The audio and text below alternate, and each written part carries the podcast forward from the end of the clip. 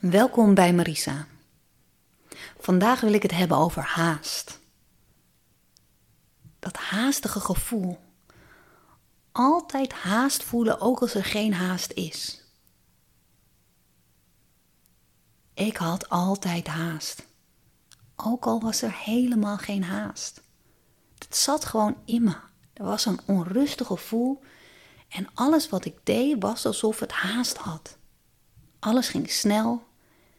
Of het nou mijn werk was, of het nou het denken was, het reageren, maar ook mijn lichaam. Ik liep altijd alsof ik rende. Ik weet nog heel goed, zo denk ik meer dan twintig jaar geleden, dat een werkgever tegen mij zegt: Marisa, loop eens rechtop. Zwaar beledigd natuurlijk, want ik liep rechtop. Ik heb best wel een oké houding, vind ik zelf. Hij zegt: waarom komt jouw hoofd dan altijd eerder aan dan de rest van jouw lichaam? En veel later pas heb ik het begrepen wat hij daarmee bedoelde.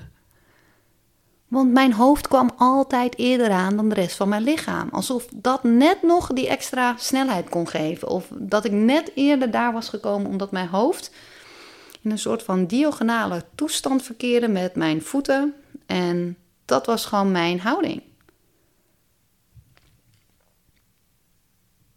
Ik wilde gewoon altijd alles eruit halen wat eruit te halen viel. En op die manier dacht ik, werkte ik, deed ik alles. Er zat ook niet, weet je, er zat altijd die onrust in mij. En weet je, ook met mijn werk. Ik kon me zo irriteren aan collega's die dan in mijn beleving de kantjes vanaf liepen. Want dat was wat ze deden. Want ik gaf alles.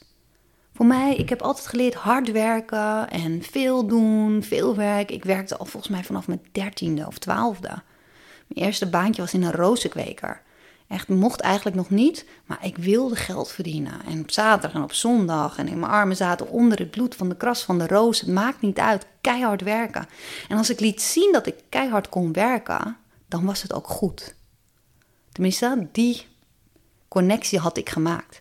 Dus als je hard werkte en dat ook liet zien, als je alles maar gaf wat je te geven had, dan was het goed. Want op het moment dat ik het niet deed, werd ik ook aangesproken. Ik bedoel, als je 13 bent, ben je jong. Loop je er echt wel ook wel vaak de kantjes vanaf. Dus ik moest dat ook echt leren. Ik werd ook aangesproken als ik gewoon niet genoeg deed. En dat merkte ik 20 jaar later nog steeds. Als ik dan gewoon ergens werkte, ik gaf alles. En iedereen die dat niet deed, vond ik gewoon eigenlijk best wel lui. En precies van, kom op, je wordt betaald om te werken. Doe je werk. En zij deden hun werk. Maar misschien een tiende van wat ik deed. Misschien een kwart. Laten we niet overdrijven, dat doe ik altijd heel goed. En toch was dat nooit genoeg voor mij. Je moest alles geven. Maar dat was dus ook wel echt het probleem. Want als je altijd maar alles geeft in alles wat je doet, ben je zo moe, zo opgebrand, zo snel gewoon klaar met de dag. Maar als je jong bent, dan kom je er nog mee weg. Dan heb je nog ontzettend veel reserves. En dan slaap je een nachtje goed en dan ben je er gewoon weer. Maar uit alles en in alles moest ik alles eruit halen wat er eruit halen viel. Altijd haast, altijd rushen. Ik bedoel, ik heb in Italië leren autorijden. Nou, ik weet niet of jullie over het algemeen weten hoe Italianen rijden. Zo reed ik. En ik moest het nog leren rijden. En in Italië, toen de tijd, dat is echt way back, volgens mij 25 jaar geleden of zo was het namelijk zo, als je naast iemand zat die langer dan, I don't know, 15 jaar zijn rijwijs had, mocht je leren rijden. Nou, dat was niet echt een succesverhaal in het begin. Want ook die rush zat natuurlijk in mij. En daar op een gegeven moment heb ik ook nog wel wat lessen gehad. Al die dingen meer. Toen kwam ik op een gegeven moment terug naar Nederland en heb ik in Nederland mijn rijwijs gehaald. Maar ik reed als een Italiaan. Ik toeterde, ik ging van linksom, rechtsom, over. Kijk, weet je, als je in Italië je voorrang niet pakt, blijf je daar gewoon staan, hè. Het is niet dat jij, zoals in Nederland, als je voorrang hebt, dan krijg je het. Nee, in Italië pakte je je voorrang. Dus ik kwam naar Nederland en ik reed als een maniak. Tenminste, dat zeiden de mensen achteraf. Kan ik dat ook echt gerust al toegeven. Toeteren en wat van dit en dat. En als het niet snel genoeg ging, ik vond iedereen hier super traag. Echt super traag. Alles deden ze traag. En het irriteerde mij. Ontzettend. En ik stond gewoon altijd aan. Ik wist ook gewoon precies wat er allemaal gebeurde. Links gebeurde dit, rechts gebeurde dat. Een paar auto's daarvoor zus en constant. Er was gewoon een soort van... Ja, ik kan niet uitleggen. In ieder geval een overprikkeld zenuwstelsel, for sure. In ieder geval, alles stond aan. Ik bedoel, de eerste jaar dat ik nu met mijn man was... Oh, ik heb me zo kunnen irriteren aan zijn manier van rijden. Want hij is echt de rust zelf. Hij stapt in een auto. En voordat wij weg zijn, kan het gerust nog vijf of tien minuten duren. Seriously. Want eerst moet zijn telefoon gekoppeld worden. Dan gaan we kijken welke muziek, want dat is het allerbelangrijkste muziek. Welke muziek, welke playlist gaan we draaien. Dan wordt het nog even rustig, hè? Nou, geen spiegels bekeken of zo, zo erg is het ook weer niet. Maar gordel omgedaan, ready to go, dan gaan we. Even serieus. Muziek, dat kun je gewoon terwijl je rijdt aanzetten. Dan hoef je niet voor van tevoren een heel zoekmoment van te maken. Tenminste, bij mij niet. Hij rijdt relaxed, ontspannen, geniet van zijn muziekje. Wij komen altijd aan, hè? Maar als ik rij, dan is het gewoon, ik zie alles van tevoren op de snelweg, wat links, rechts, vijf auto's daarvoor gebeurt. Ik weet precies waar ik naar links, naar rechts. Hij kan rustig kijken, oké, nu ga ik inhalen. Dan gaat hij kijken, kan het wel, kan het niet. Ik weet al lang of ik wel of niet kan uh, invoegen. Omdat ik er al lang al mee bezig ben geweest. En ik zag dat ook altijd als een soort van, uh, ja, niet trots, dat is niet, maar gewoon, dat is hoe het hoort. Come on, je weet je, dan pas kan je rijden of dan doe je het pas goed. Want ook hier ging ik natuurlijk vol voor. Want ik bedoel, ik, ja, ik kon gewoon heel goed rijden. En daar was ik ook heel erg van overtuigd. Kan ik ook wel hoor. Maar de manier waarop. Ik had de overtuiging dat het ook zo hoorde. Dus als ik dan naast hem zat, en hij houdt er echt van om te rijden, ook omdat het op die relaxte manier gaat, Oh, heb ik me echt zo erg moeten inhouden. En dat lukte me natuurlijk heel slecht, omdat ik in die tijd natuurlijk nog een behoorlijk overprikkeld zenuwstelsel had. Dus om er niks van te vinden en zeker niks van te zeggen, oef, dat was best wel even een uitdaging. Maar het grappige was, het maakt niet uit hoeveel uur hij zou moeten rijden. Het was altijd oké. Hij is nooit gestrest, nooit moe, er is niks te veel, want hij doet het gewoon vanuit zijn flow. Bij mij kwam het gewoon altijd van: oké, ik moet rijden, ik moet daar naartoe, ik moet zus, we gaan het doen. En halverwege de dag lag ik er al af. Was ik gewoon moe, kapot. Ik zou, ik, mijn zusje woont in Parijs. Maar om naar Parijs te rijden, dat is voor mij gewoon echt workout. Heavy workout. Want ik sta gewoon 6, 7 uur gewoon compleet aan. Ik zie alles, ik doe alles. Ik, het ontspannen rijden mm, zit er niet echt in. Tenminste, zat er niet echt in. Laatste jaar is dat ontzettend veranderd. Maar dat was gewoon ook mijn manier van aanstaan. Dat was gewoon weer hoe het voor mij normaal was. Altijd bezig zijn met wat er zou kunnen gebeuren of wat ik zou moeten zien. Altijd aanstaan. En ik was er ook echt mee geïdentificeerd. Ik vond het ook gewoon, ja, dat was wie ik was. Ik kende maar één, één stand. En die stand was gewoon aan of uit. En die uitstand was dus in slaap. En zo heb ik het zo lang volgehouden om altijd maar aan te staan. En dan kreeg ik 13 jaar geleden een burn-out. Nou, dat is ook echt heftig. Ik kon helemaal niets meer. En geloof me, in die tijd, ik kon alles, tien dingen tegelijk en ook nog alle tien ontzettend goed, vond ik zelf. Nee, het was ook echt wel. Ik kon heel veel dingen tegelijk. Maar vanaf het moment van die burn-out kon ik helemaal niets meer. Niet eens één ding. En zeker niet één ding goed. Dus dat was super confronterend. Ik weet nog heel goed dat een vriendin op een gegeven moment in die periode met mij even naar een winkel wilde. Nou, ik wist niet hoe ik gillend gek weg moest gaan. Want ik kon gewoon niet aan. Al die prikkels, al die stress van die mensen. Ik wilde alleen maar weg. Ik kon niets. En dat heeft heel lang geduurd. Tenminste, heel lang. Ik vond het heel lang. Want alles duurt lang hè, als je altijd haast hebt. Want je hebt geen tijd om een burn-out te hebben. Je hebt geen tijd om rust te hebben. Je hebt geen tijd om over dingen na te denken of te willen voelen. Je wil alleen zo snel mogelijk weer verder. Want dat is jouw manier om maar ook met dingen om te gaan. Tenminste, dat was het mijn manier achteraf. Als je maar bezig blijft met doen, hoef je ook niet echt te voelen. Want je bent vaak aan het einde van de dag, lig je eraf, ben en dan is het gewoon klaar. En ben je vaak ook geneigd om misschien andere dingen te gebruiken om uit te tunen, om te nammen.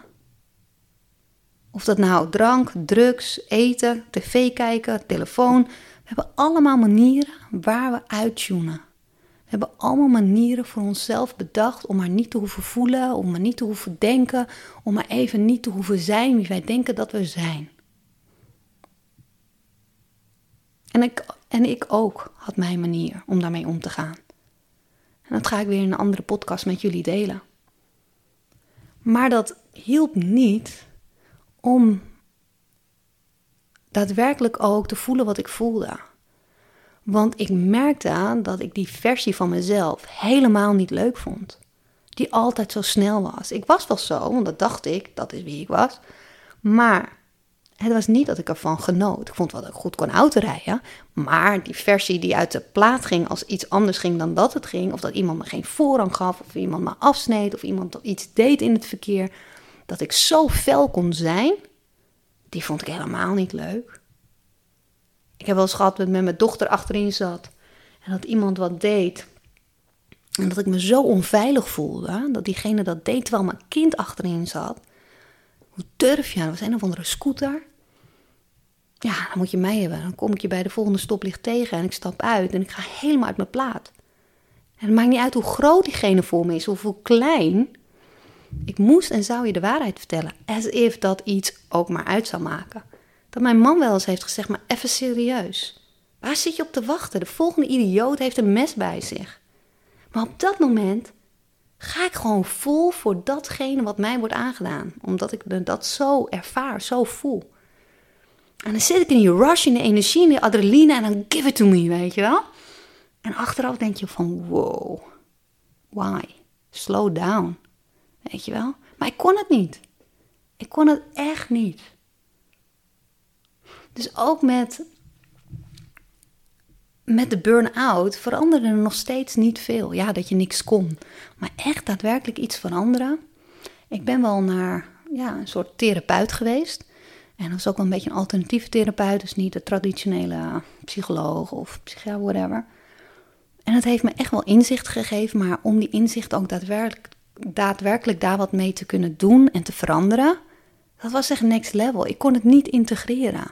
Ik kon het niet voelen. Ik, kon, ik, kon, ik, ik begreep wat ze zei en het klopte ook allemaal.